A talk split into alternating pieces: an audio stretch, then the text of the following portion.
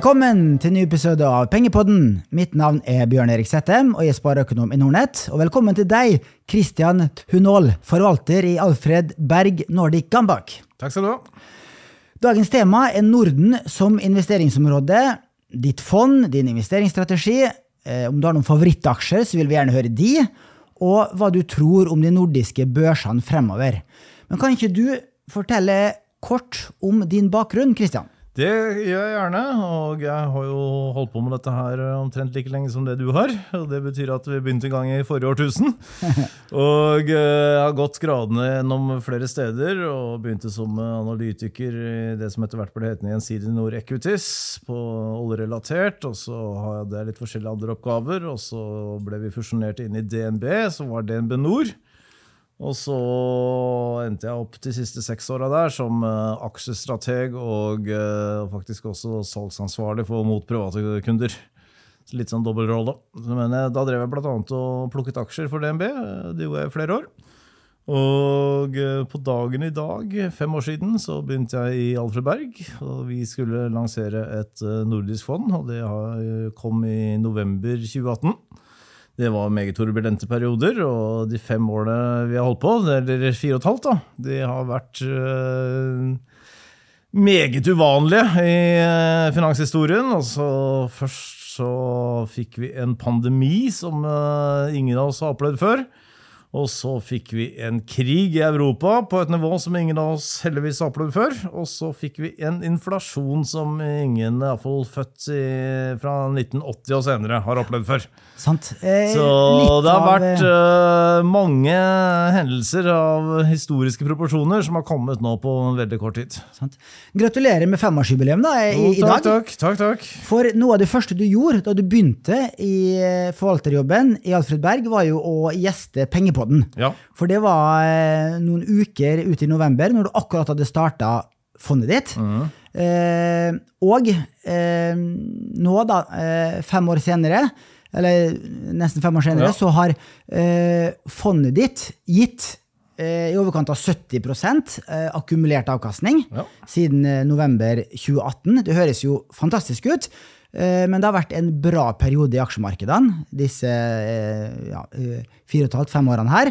Så sammenligna med Morningstar-snittet for da nordiske aksjefond, så ligger du litt over snittet, noen prosentpoeng over snittet. Sammenligna med de nordiske indeksfondene, så ligger du marginalt under.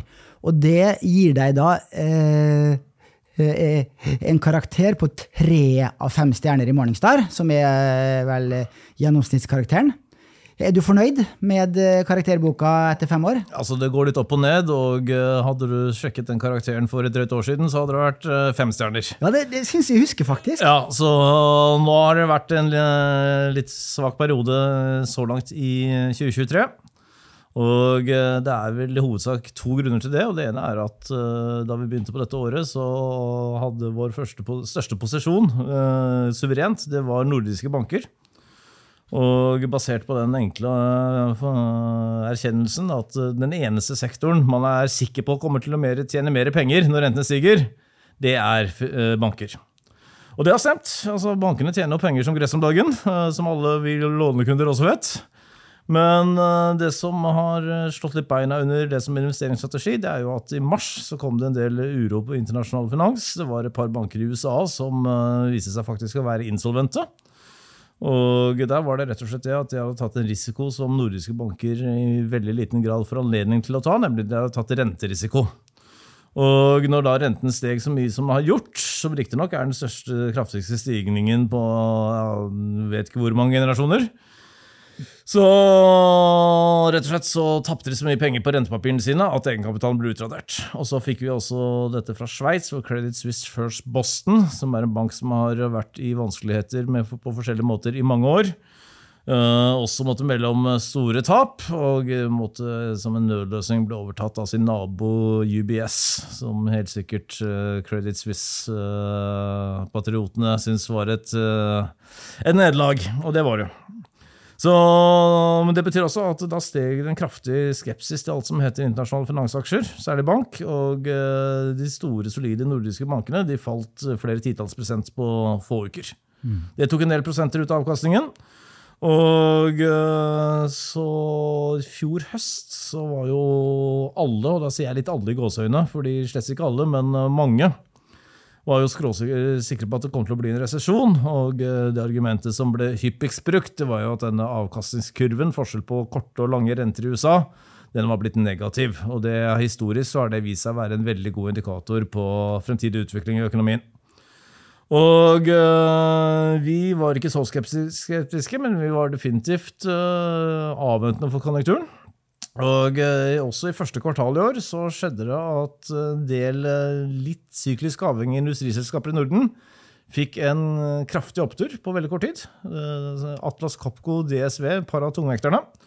Og de gikk faktisk en 30-35% bare på noen få uker. Og den eh, bevegelsen kom litt for raskt for oss, og den klarte vi ikke helt å henge med på. Og da tapte vi også en del relativt mot uh, referanseindeksen. Mm. Så de to faktorene det har gjort at uh, det første halvåret av uh, 2023 ikke har vært noen sånn superfest for Nordic Ambac. Men over den knappe femårsperioden så er det jo helt grei avkastning, men selvfølgelig det å ligge Vi sikter på det å ligge betydelig foran indeksen er jo ja. veldig mye hyggeligere enn ja. å ligge omtrent på nivå. Ja, det er det. Så, men eh, jeg må også si at uh, kvaliteten på de selskapene som vi har i porteføljen nå, den syns jeg er god. Altså det, det, må jeg bare si. Og uh, vi har fremdeles en kraftig overvekt av nordiske banker. Og kapitalkravene i Norden, det er vel muligens det strengeste som er i verden, tror jeg. Og kanskje Norge er helt på topp, så det ser jo veldig bra ut. Det er så veldig solide banker. Mm.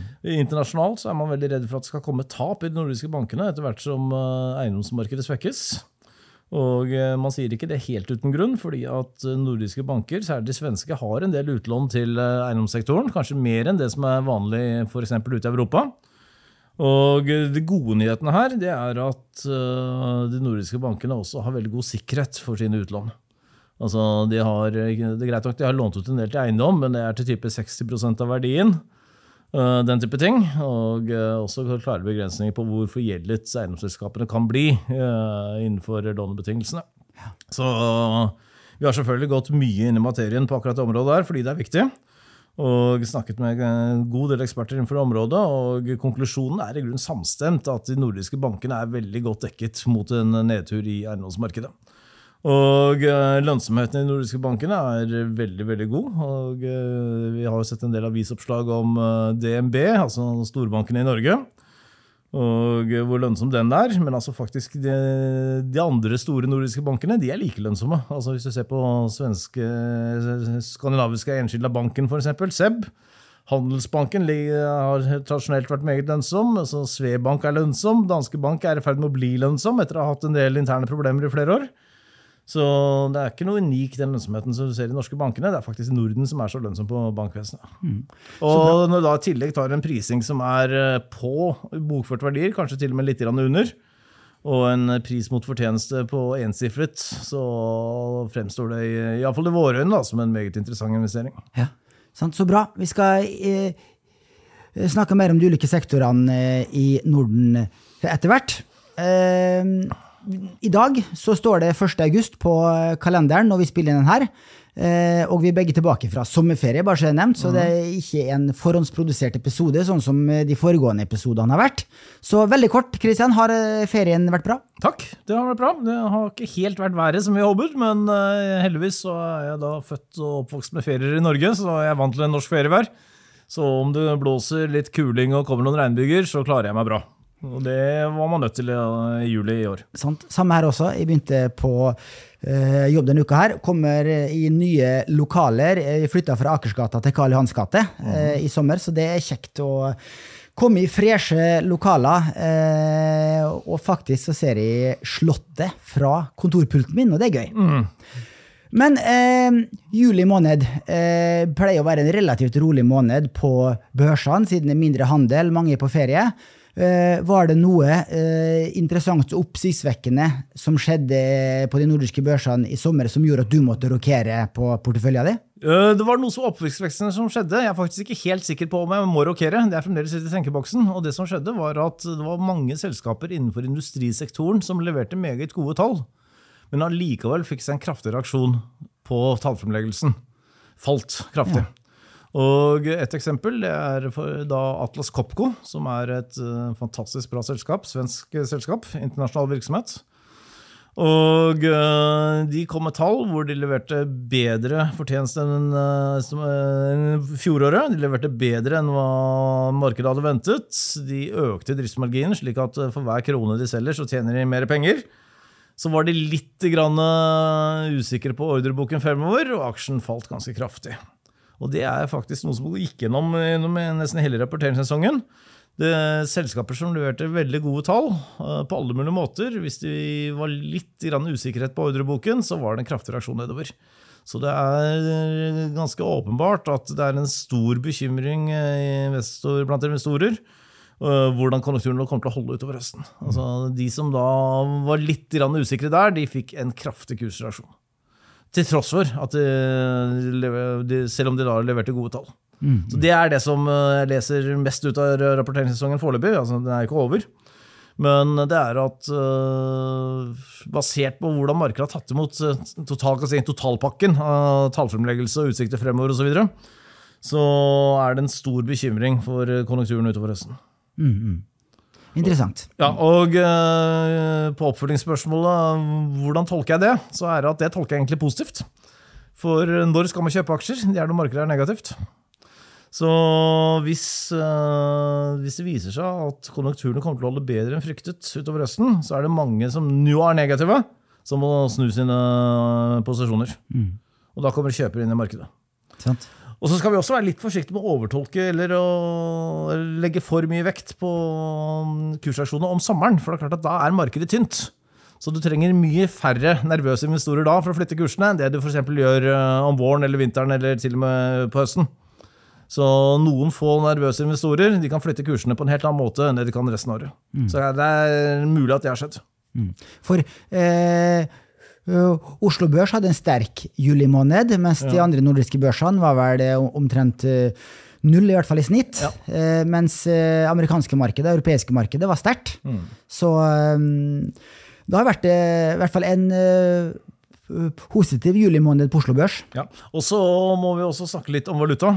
Og det har vært et tema gjennom ja, en god stund, ikke bare første halvår, men også gjennom 2022. Og eh, både den norske og den svenske kronen har jo vært historisk lave mot eh, både euro og dollar, på et nivå som jeg tror ikke vi har sett før. Og det har vært en eh, debatt i media blant annet, om hva er årsakene til det. Men det, ja, det kan være mange årsaker, men nå har kronen begynt å styrke seg noe. Så gjennom juli så snakker vi en sånn 5, kanskje 6% mot de store euro og dollar. Mm. Så da er en liten normalisering i valuta. Det har vi sett tendensen til.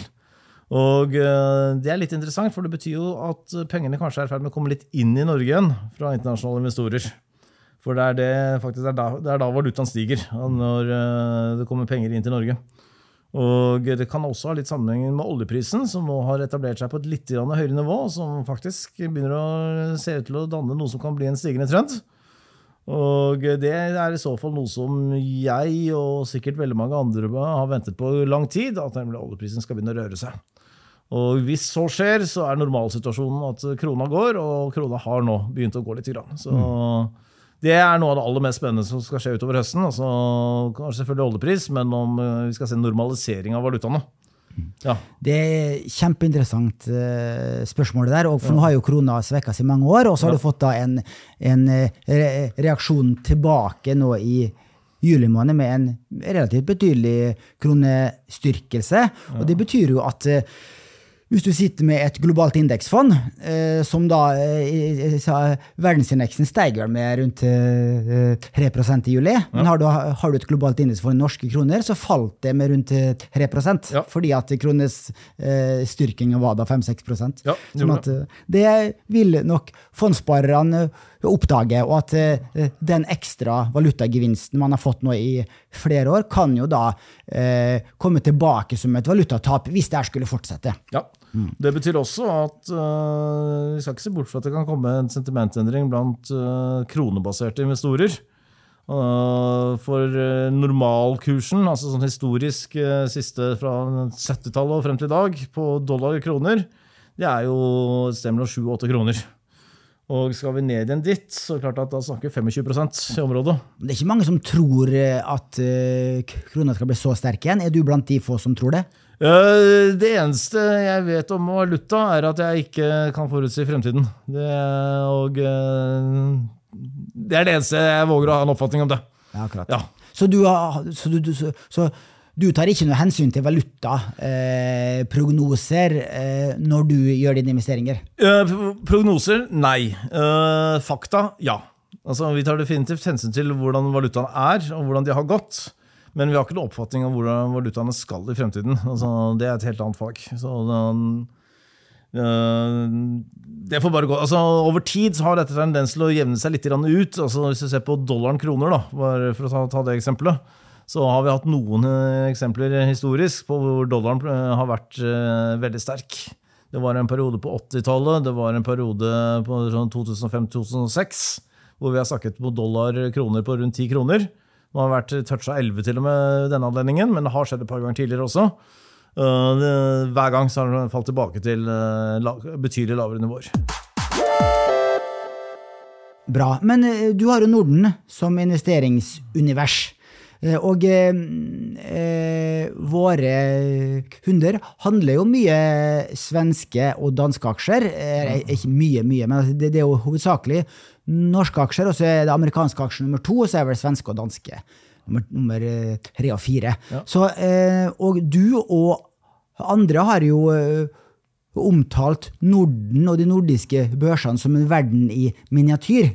Kan du forklare hva du mener med det? Ja, gjerne. Og eh, det, altså, de fleste av oss har da Oslo Børs som referansepunkt. Og eh, Oslo Børs er en veldig spesiell børs i internasjonal sammenheng. Eh, og det er rett og slett at det er to sektorer som dominerer totalt. Det er energi, og det er sjømat. Konsumsektoren. Og i forhold til børser internasjonalt, så er, det, så er både de to sektorene helt ja, uvanlig uproporsjonalt store på Oslo Børs. Og det er to gode sektorer, altså lønnsomme selskaper. altså Det er bedre å ha dem enn å ikke ha dem, men det betyr også at eh, utvalget blir litt ensidig. Og det Norden tilbyr, som Norge ikke kan tilby, det er jo en helt annen bredde i investeringsalternativene når det gjelder bransjer. Også, også størrelse på selskapene. Så hvis vi bare begynner likviditeten først så, altså, det er vel eh, Sist vi sjekket dette, her, så var det tre av de norske eh, selskapene som er blant de 30 mest likvide i Norden. Altså, det, det er, mye mer likviditet i de andre, nordiske landene. Og eh, i tillegg til det så har det også en sektorsammensetning som er mye likere verden enn det Norge er. Altså, Energi er mye mindre, altså Forbruk altså der hvor sjømatstilsvarende ligger, er mye mindre. Og så er teknologi mye større, og ikke minst helse er mye større, og industri er større. Og eh, det gir jo norske investorer en eh, valgmulighet som Oslo Børs i svært liten grad eh, kan gi dem. Og det er en stor fordel. Ja. Ja. Så, så, så det å ha et Nordenfond versus et Norge-fond gir da mye bedre diversifisering og lavere svingninger. Ja, og faktisk de siste ti åra har også avkastningen vært konkurransedyktig. Mm, mm. Ja, for det, eh, for da vi eh, hørte igjennom podkasten vi hadde for Ja. eh, knappe fem år siden, da gjorde vi et poeng ut av at de nordiske børsene hadde gitt meget god langsiktig avkastning, og da bedre verdensindeksen siste ti- ti- til tiår, år, eksempelvis. Men når jeg ser på de samme tallene i dag, så er faktisk både femårsavkastninga og tiårsavkastninga til Norden-indeksen, altså den eh, MSA sin eh, Nordic Countries Index, noe lavere enn verdensindeksen, altså den MSA World Index. Eh, for eksempel, eh, siste ti årene så har Norden-indeksen hatt en gjennomsnittlig årlig analysert avkastning på eh, i overkant av 7% mens verdensindeksen har vært 9 Da er begge målt i amerikanske dollar. Ja. Og, og, og, og da jeg så disse eh, tallene her før sending, så ble jeg faktisk litt overraska. For, for, for jeg, jeg, jeg, jeg trodde at fortsatt Norden lå foran på fem og ti års sikt. Ja. Men det gjør det ikke. Og da tenkte jeg hvorfor er det slik? Og så da Nei, hvis, jeg- da, hvis vi begynner med valutaen, da, som vi akkurat har sagt om, så er det klart at hadde du altså nå som Både norske og svenske kroner er jo nå historisk lave mot dollar. Og eh, det betyr jo en del her. Og så skal jeg gjerne sett de avkastningstallene. Du hvis du hadde tatt ut skal si, fem av de største teknologiselskapene, hvordan hadde det sett ut da? For eh, det var i 2020 hvor SMP 400 gjorde ganske god avkastning. Jeg husker ikke om det var 2020, men det var for noen få år siden. Hvor uh, var det seks selskaper som sto for tilnærmet all avkastning. Så hadde du tatt uh, SMP 494, så hadde det vært uh, omtrent null. Altså, det, det er tatt fritt på hukommelsen. Men altså, mitt poeng er det er noen tunge selskaper som har trukket indeksen i USA kraftig oppover de siste årene. Og hadde du tatt eksklusive de selskapene, så tror jeg det, og på normalisert valuta, så hadde sannsynligvis de tallene vært en del annerledes. Ja. Det, det, det, det, er også tanken min mener at det amerikanske ja. aksjemarkedet, og spesielt disse uh, big tech-selskapene, har gjort det fantastisk bra. Ja. Og da når du vet at det amerikanske Amerikanske aksjer utgjør knappe 70% av den verdensindeksen. Og da hvis eh, da den største regionen gjør det kjempebra, da er det veldig vanskelig for de andre regionene, som da Norden, å matche opp med verdensindeksen. Ja, så la oss si, Hadde du tatt en verdensindeks eksklusive USA, hvis noe sånt finnes, ja. så tror jeg du har, kanskje hadde fått litt andre tall. Ja, det er nok riktig. Hvordan vil du oppsummere investeringsstrategien i Alfred Berg Nordic Ambach? Vi prøver å kombinere sentiment med fundamentalanalyse. Og eh, det er mange også sentiment. Det, mange, det finnes mange ord for det samme her, og det finnes mange måter å uttrykke det samme på. Men min måte å si det på, det er iallfall at sentiment det er det som også kan kalles momentum. Og øh, hvis jeg sier at fundamentalanalyse det er studie av selskapene, så er øh, sentiment eller momentumanalyse det er studie av markedet. Mm. Og det vi er ute etter, er å finne de selskapene som markedet er interessert i, og som vi også vi syns er fundamentalt gode. Det er det vi er ute etter å få tak i. Og uh, dette gjør vi på en si, ganske disiplinert prosess. Vi er flere forvaltere, det er ikke bare meg. Og uh, vi gir alle en input på samtlige selskaper. både både hva vi mener om eh, momentum, sentimentet, og hva vi mener om fundamentalene i selskapet. Og så aggregerer vi dette til en samlet poengscore, og det er de selskapene med mest poeng som da kommer inn i porteføljen. Mm. Og det fins flere grunner til å gjøre det akkurat på den måten. Og det viktigste er egentlig at det disiplinerer prosessen, slik at Eh, man unngår at en eller annen forvalter har en fiks idé, og så går ned i et eller annet sånn darlingselskap eh, hvor man dessverre har tatt feil. Det skjer jo hos alle. Eh, jevnt og trutt. Mm. Så det er en korrektiv, slik at man ikke skal gå ut på altfor ut på planken på én sektor eller én bet. Og så er det litt wisdom of crowds. altså En gruppe kan altså Flere hoder trenger ofte litt bedre enn ett. Slik at når vi aggregerer opp eh, fire-fem stykker som har tenkt uavhengig, så får vi et bedre svar om det er bare én person som har tenkt. Det er tanken. Eh, men det at dere da eh, bruker momentumanalyse, betyr det at du bare kan kjøpe aksjer som er i en stigende trend? Eller er det slik at hvis, hvis du, du, ser at det fundamentale ser, ser bra ut, og du mener at markedet ikke har oppdaga en spesifikk aksje som er en fallende trend, så kan du kjøpe en likevel? Jeg kan selvfølgelig hvis jeg vil, men eh, det er, det er ikke det vi gjør. Vi venter til markedet tar, tar tak i det. Nettopp. Ja. Og det For, gjør... Uh, rett og slett fordi at uh, Først så kan jeg, selv om jeg syns det er fantastisk at jeg tar feil. Ja, det, det, Den muligheten kan man ikke utelukke. Og det andre er at det hjelper ikke å ha rett hvis ingen andre skjønner det. Altså det der er aksjemarkedet litt nådeløst. Altså, det er hyggelig å ha rett, men man er nødt til å få noen med seg på laget. Mm. Så hver den eneste som skjønner at en aksje er bra, det er som regel en dårlig idé. Eh, men eh, si en aksje som har falt en periode, og så, har, og så ser det ut som at den øh, bunner ut og begynner å stige. Hvor lang må den stigende trenden ha vært for at dere skal kunne kjøpe? Det er litt avhengig av hvor lenge den har falt, og hvor bratt den har falt. og sånn, så Da må da må dannes totalbildet. totalbilde. Men øh, nå bare tar jeg, snakker jeg litt omtrentlig her. Da, og Det er klart at det er store variasjoner fra eksempel til eksempel, men nå under tre måneder har jeg vondt for å se for meg. For uh, litt av altså, Vi snakker om å følge sentimentet, men vi skal unngå støy. Og vi må gjerne se en trend som etablerer seg over skal vi si, tre måneder, før vi går, at det går fra støy til trendkategorien. Mm. Og Det samme gjelder ved et salg òg, eller? For hva, ja. når selger du en aksje? Har du stopplås er det hvis han har falt eh, relativt til markedet over mer enn tre måneder. Har det noen regler, eller er det forskjellig fra gang til gang? Nei, vi har ikke noen faste regler. Det har vi ikke. Rett og slett fordi at øh, det fins altså, Hver situasjon er litt unik. Om den har falt i ett fall, om den har falt på én nyhet som vi mener er litt irrelevant. La oss ta bankene da, som eksempel, som jeg nevnte litt tidligere i dag. Eh, De store nordiske bankene falt jo kraftig eh, gjennom mars pga. internasjonale nyheter. Vi tok en full gjennomgang av situasjonen, snakket med de beste ekspertene vi kan tenke oss, som vi kjenner, og endte på konklusjonen at dette er ikke relevant for de nordiske bankene. Dette, dette, sånn, dette fallet er ikke berettiget.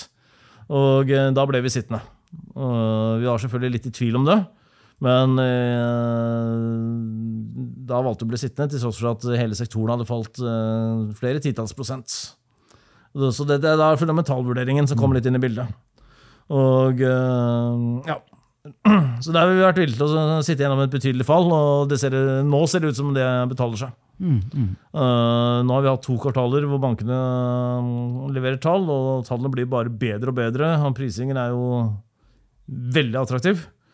Og eh, utsiktene fremover ser nesten bare bedre og bedre ut. Sant? Eh, eh, Jeg kikker på den faktorprofilen som eh, alle eh, lyttere kan se på Morningstar sin nettside. Hvis du går det er vel innhold, så heter den fliken i venstre marg, og da får du se en slik faktorprofil. Og der eh, ser du hvordan fondet scorer på ulike faktorer som momentum, vekstverdi, volatilitet, likviditet osv. Og som vi har snakka litt om, du scorer veldig høyt på momentum. Du kjøper eh, aksjer som er i en stigende trend, og motsatt. Du scorer også høyt på høyt på volatilitet, så du kjøper mer volatile aksjer enn eh, gjennoms, gjennomsnittet. Og høy, du skår høyt på likviditet. Du kjøper de mest likvide aksjene i, større selskaper, da, antar jeg. Stemmer det med Ja, det stemmer. strategien? Og det er akkurat det vi er ute etter også. Og eh, momentum, altså, det er en strategi som har funket uh, over århundrer. Men prisen er uh, Det svinger mer.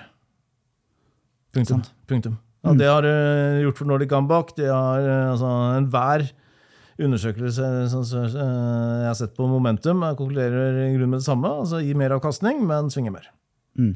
Fordi at eh, det, det, det, det momentum, altså en stigende eh, eh, eh, trenden, varer gjerne over en eh, lengre periode. Ja. Men når det først snur, så sitter du eh, eh, med mer volatile aksjer, og da får du en større smell. Ja, og eh, jeg antar at grunnen til at det er sånn, det er en veldig menneskelig eh, faktor, nemlig at det er mye lettere å selge de aksjene du har tjent penger på, enn de du har tapt penger på.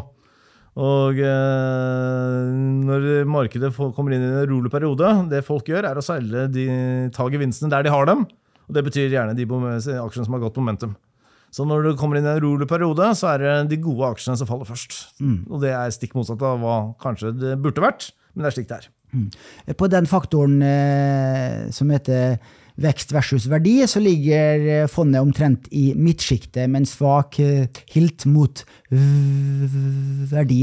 Som momentumforvalter så kan vel du egentlig bevege deg fra vekst eh, til verdi og tilbake på relativt eh, kort eh, tid, så du har vel et ganske pragmatisk forhold på om det, du skal investere i verdi- eller vekstaksjer? Ja, absolutt. Og eh, det drømmeaksjen er jo selvfølgelig en verdiaksje som har godt momentum. Det er det vi virkelig er ute etter. Skal vi velge altså, Der vi ikke kompromisser, det er sentimentet. Altså momentum. Der kan vi heller kompromisse litt på f.eks. prising. Et uh, fundamentalt aspekt som vi også er ganske harde på, det er gjeldssituasjonen i selskap. Og uh, vi har definitivt en uh, preferanse for selskaper med en solid balanse. Og det er rett og slett fordi at går det gærent, og det gjør det av og til for et selskap altså Det kan alltid komme dårlige tider, altså forhold man ikke hadde sett for seg.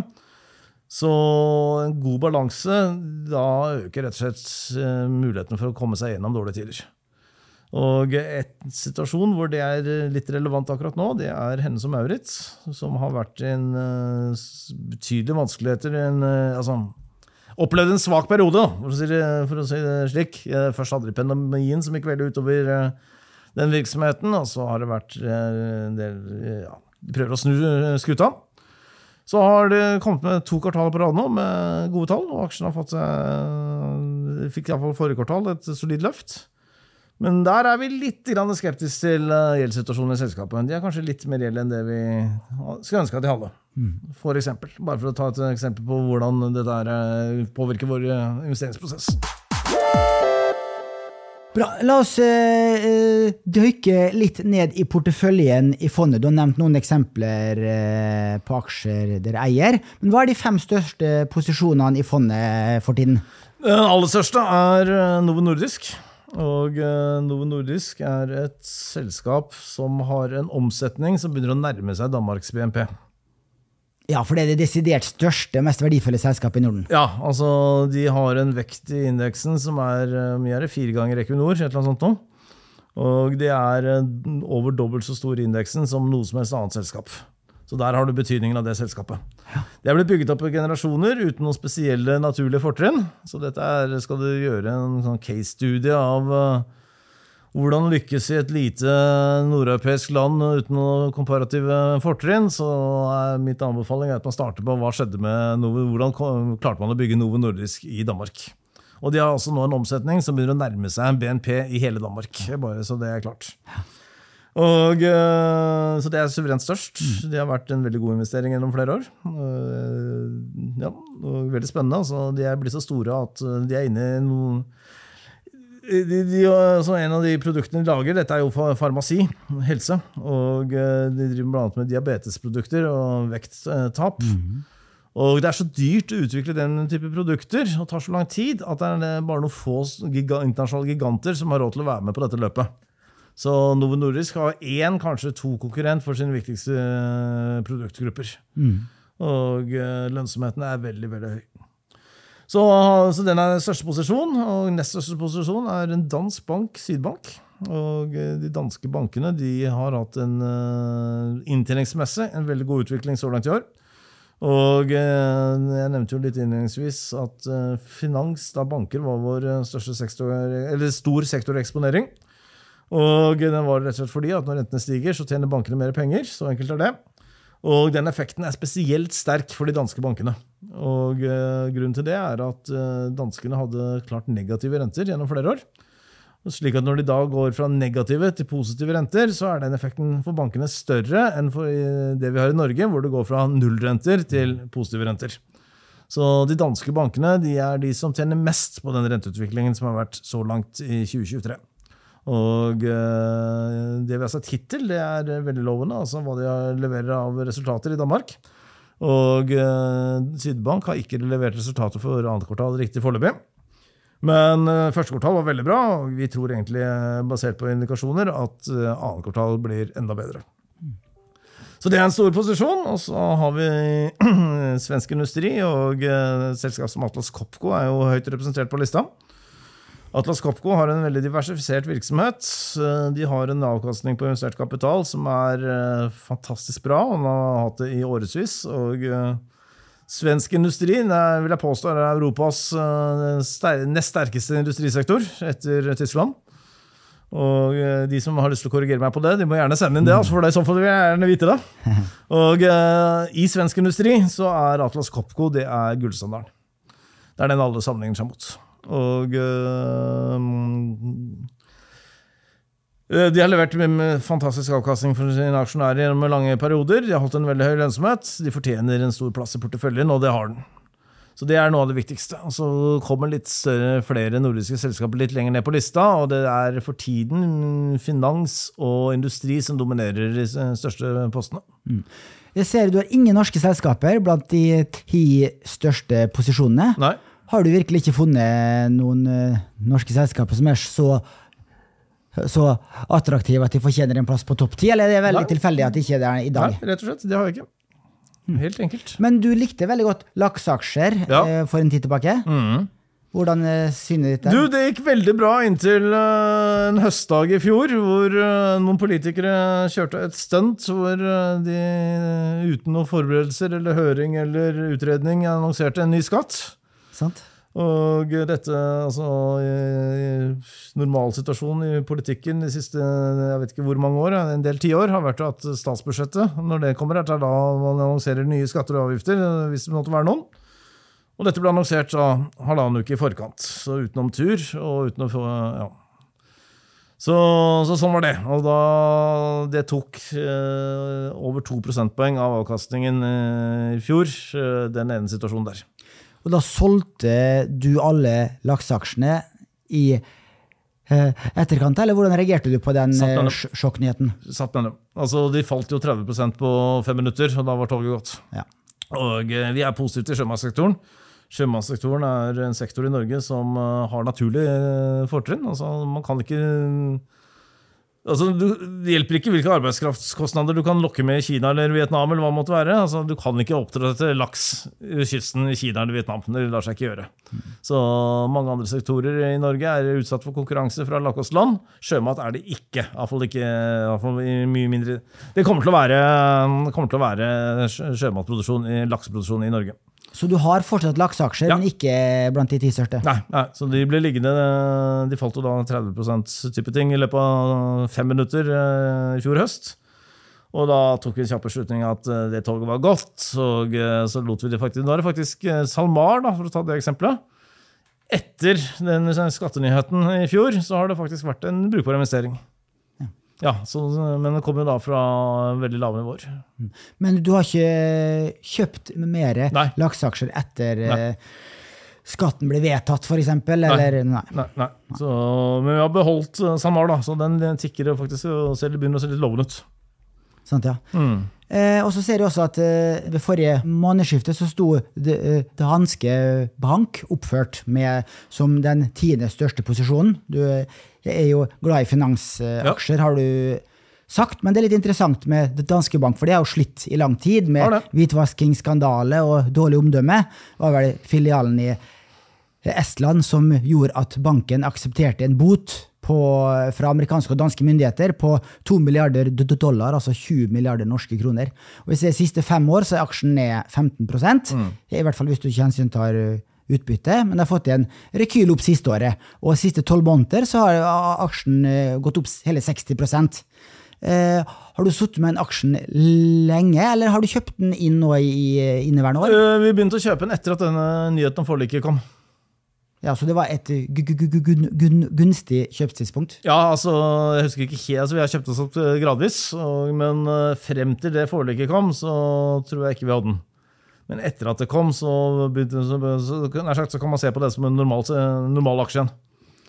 Ok, Så ja. du har friskmeldt den aksjen? Ja, ja. Og uh, den var tiende størst kanskje ved forrige månedsskifte. Den er uh, høyere opp på lista nå. Ja. Kommer bl.a. med tall fra annet kvartal, som absolutt var på den gode siden. Og nyheten i sommer for norske Danske Bank-kunder er jo det at eh, de har kunngjort at de ville trekkes ut av det norske personkundemarkedet. Og de har jo inngått en intensjonsavtale i hvert fall om å selge til Nordea. Den skal vel godkjennes av konkurransemyndighetene. Men hva, hva synes du om den beslutninga? Jeg ble overraska selv, syns jeg. Ja, det, jeg ble også det. Og vi har jo hørt fra forskjellige kilder opp gjennom åra at dansker har vært ganske aggressive for å vinne markedsandeler. Eh, og vært, også kanskje vært villige til å by litt under.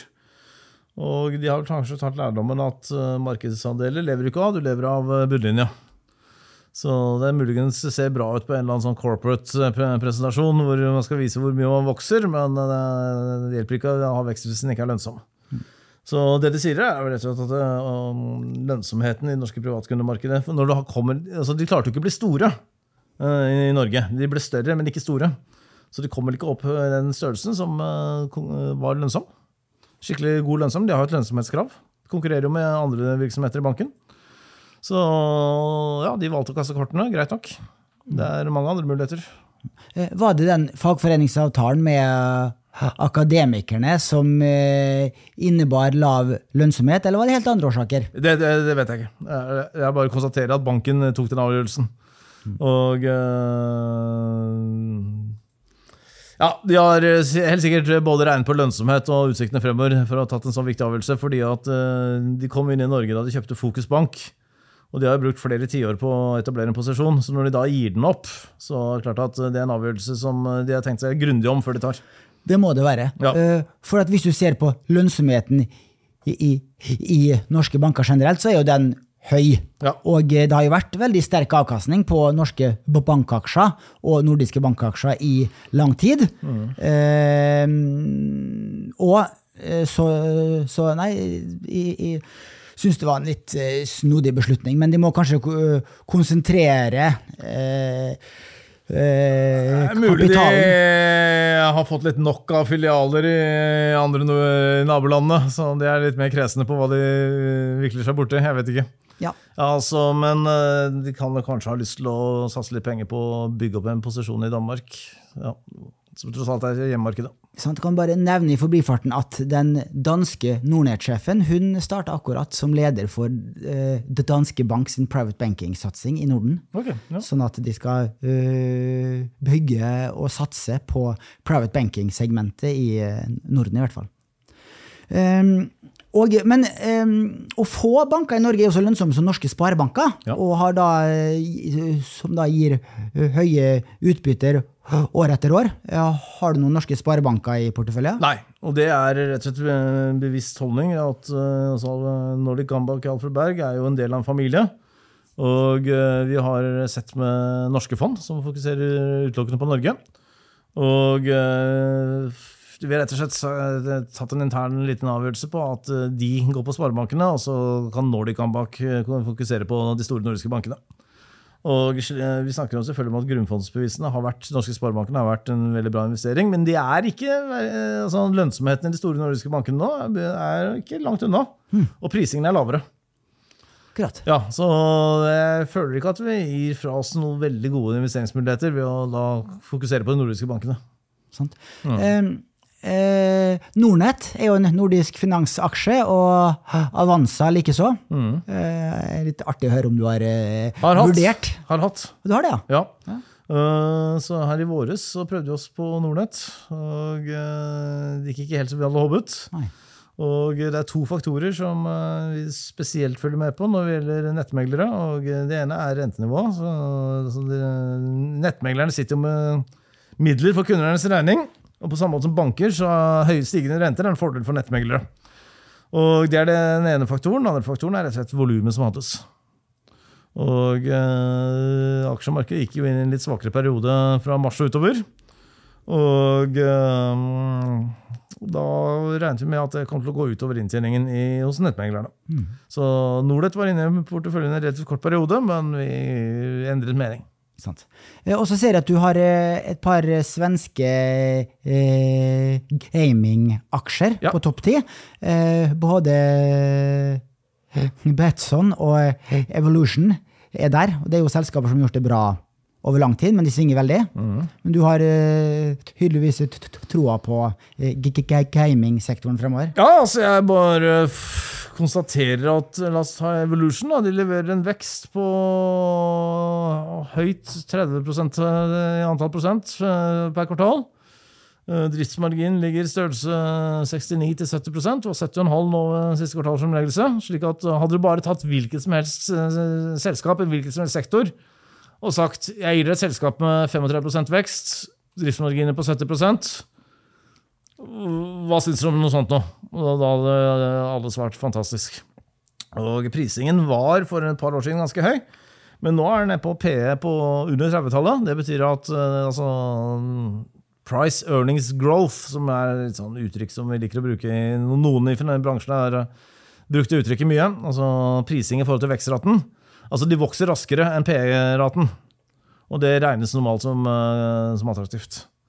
Så faktisk, av den grunn, så scorer jeg aksjen po positivt på fundamental. De vokser raskere. Altså, det er selvfølgelig dyr i forhold til et langsomtvoksende selskap, men eh, med et selskap som vokser over 30% i året, lønnsomt, så er den etter min oppfatning ikke dyr. Betson er billig uansett hvordan du blir å vende på det. Den har en PE på størrelse 10. Og det er faktisk altså, et selskap som vokser bra, har god balanse og en PE på under 10. Altså, det er en god investering. Altså, bare de tallene har du tatt en hvilken som helst annen bransje, så hadde det sett veldig bra ut. Jo, Men eh, eh, det at eh, de har veldig gunstige nøkkeltall, de har eh, høy vekst, men Ja. eh, eh, likevel relativt lavt eh, priser, det, det, tyder vel på at det er en viss skeptisk, eh, skeptisk på om de vil levere like bra tall fremover. Og Ja. så er det vel noen investorer som ikke vil ta i gamingselskaper Ja, også, det er av det. eh, po- po- politikkhensyn, rett og slett. Ja, og så er det to typer aksjer innenfor altså Det er gambling, og det er gaming. Og dette er jo, altså Evolution er gaming, og det er, det er så, det er, jeg vil si at det er litt uskyldig moro. Altså, det- det må jeg få lov til å si. Og, øh, så det er en liten forskjell der, da. Men ja, absolutt. Det er investorer som har begrensninger på hva de kan ta i den sammenheng. Eh, Vi har også noen begrensninger, men vi ser det for Altså, vi har noen absolutter som vi ikke tar i overhodet. Punktum. Og så har vi en uh, totalscore, ESG, som skal være innenfor et visst nivå. Og, som vi selvfølgelig også ser på. Og så, men det gjelder da totalscore for hele porteføljen. Mm. Jeg eh, frista lytterne innledningsvis med noen aksjetips. Eh, Har du et par aksjefavoritter siden neste seks til tolv måneder? Ja, altså De favorittene det er jo de som er de største posisjonene. Det er derfor jeg liker dem. Og eh, de danske bankene, Sydbank og Danske Bank, de, ser, altså, de er lavt priset. eh, De tjener veldig bra med penger. Trendene peker i riktig retning. Altså, det er en grunn til at det er de største posisjonene. Og eh, største sektorbøtte nå, det er industri. Og det er rett og slett basert på at industri, mange industriselskaper i Norden, særlig, eh, særlig Sverige, gjør det bra. Eh, ku- ku- så både lønnsomheten er på vei opp, og sentimentet i markedet ser ut til å være bra. Så også det ser lovende ut. Og se- det vi har gjort de siste nå par få ukene i Nordic Comeback, det er også vi har økt vektingen i energi. Ja. Uh, jeg skal skrive månedsrapport nå omtrent når jeg går fra dette studioet her. Uh, det er, øh, men altså, dette er ikke noe hemmelighet. Men øh, vi har holdt oss unna energi i lang tid. Oljeprisen har ikke gått noe i nærheten av det vi trodde den skulle gjøre. Men uh, nå er det faktisk et par energiaksjer som har begynt å røre på seg. Hvor de, kombinasjonen av fundamental og sentiment har kommet på plass. Og hva er favorittaksjene innenfor energi, da? Nei, uh, søker, altså det er offentlig uh, informasjon om hvilke aksjer vi eier. Og, så jeg løper ikke noe hemmelighet hvis jeg sier at vi har kjøpt oss opp i Oddfield Drilling f.eks. Ja. Det har vi gjort. Eh, Men eh, noen rene oljeselskap, har du det òg? Ikke eh, per i dag. Ikke i dette øyeblikk. Er det noen sektorer, eller selskap for den del, som du absolutt ikke har troa på neste året? Så hvis du kunne shorte en aksje eller en sektor, så ville du gjort det? Ja, altså, vi er skeptiske til konsumaksjer. Det har vi vært lenge. Og XXL er et eksempel. Altså, de har selskapsmessige utfordringer, men de har også en sektormessig utfordring. Av den enkle grunn at øh, med det renteutviklingen som har vært, så blir kampen om folks lommebøker hardere enn den har vært øh, på lang, lang tid. Og øh, det som kommer til å tape da, det er den luksusen eller de goder du klarer deg uten. Melk og brød, de må man ha, men uh, uh, luksusgoder, altså Det ligger tynt an. Ja. Eh, Jeg hadde nesten trodd du skulle nevne den svenske eiendomssektoren Ja, det- som, har, det- som har stupt. Det, jeg skal ikke si at det er så opplagt, det, men altså, der har vi ikke hatt noe eksponering på lang lang tid. Og, eh, ja, det, men også der har det holdt seg forbausende bra. Og eh, det er faktisk to faktorer innenfor eiendom. Og eh, med, med situasjonen, altså Inflasjonen har steget, og rentenivået har steget. Og de aller fleste kan jo justere leienivået etter KPI, altså konsumprisindeksen. Slik at de kan justere De øker jo faktisk leienivået sitt, eh, en del eiendomsselskaper. Og så stiger renta, og da betyr altså at kostnaden med den gjelden de har, eh, blir mye høyere. Så totalvirkningen avhenger av hva som blir eh, sterkest for disse to selskapene, nemlig, for disse selskapene. Nemlig den positive effekten ved at de kan øke leien, den negative effekten ved at renta øker. Slik at uh, skal ikke utelukke at det finnes selskaper der ute som har lav nok gjeld til at den første effekten er den som dominerer. Så, så du eh, følger med på de selskapene, og hvis de får eh, et positivt momentum i noen måneder, så Ja. er du på kjøperen? Uh, ja, ja, kanskje.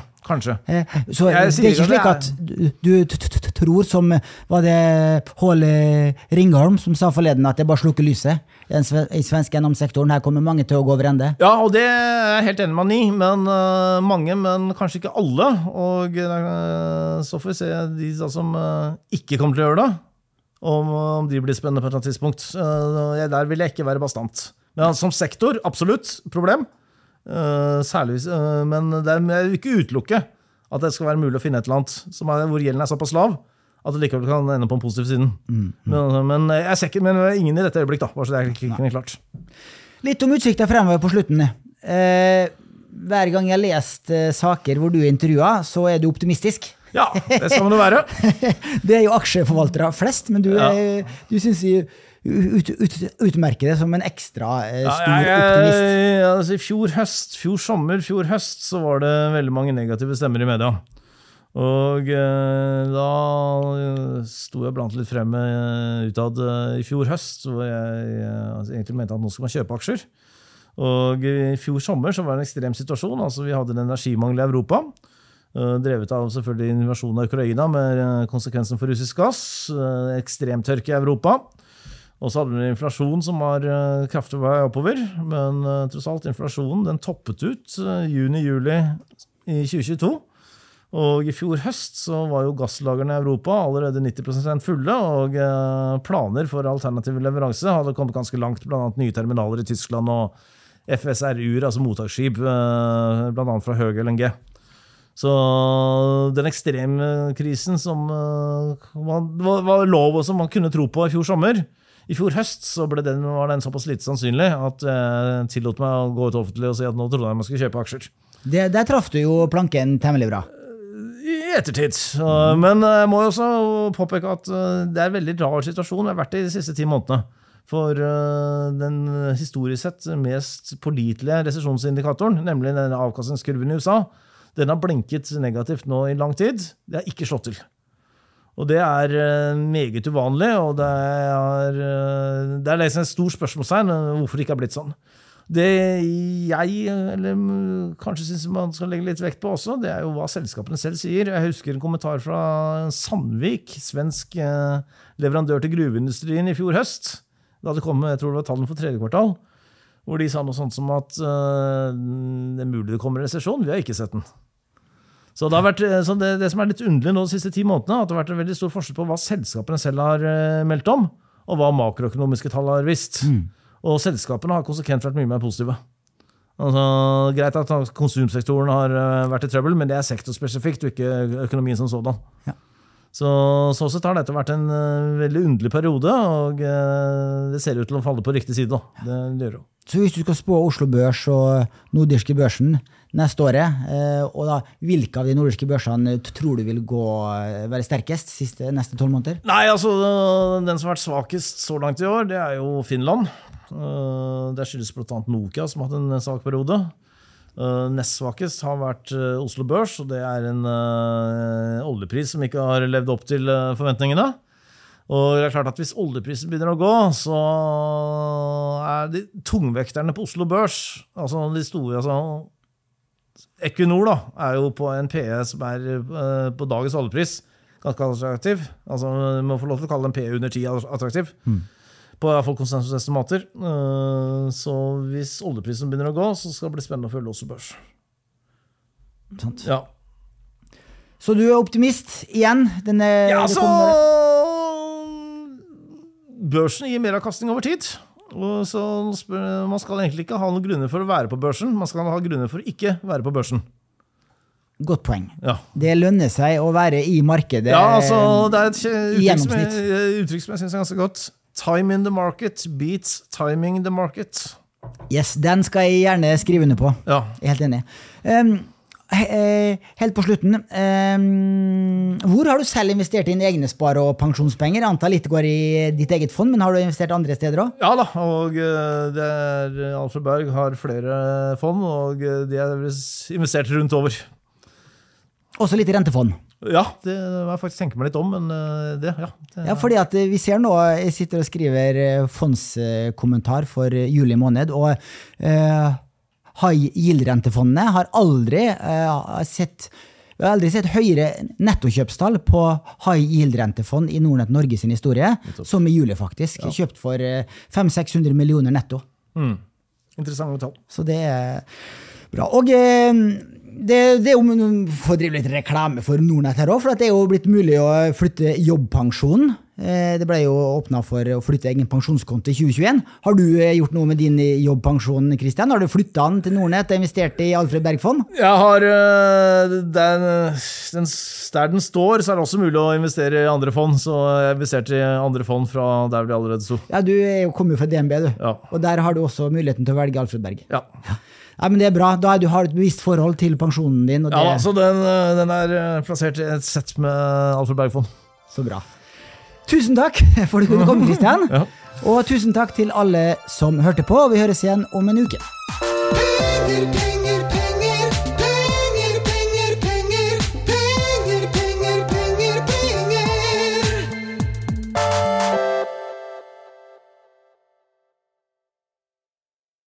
Denne podkasten skal anses som markedsføringsmateriell, og innholdet må ikke oppfattes som en investeringsanbefaling. Podkasten er kun ment til inspirasjon og informasjonsformål. Nornett tar ikke ansvar for eventuelle tap som måtte oppstå ved bruk av informasjonen i denne podkasten. Les mer på disclaimer-siden på nordnett.no.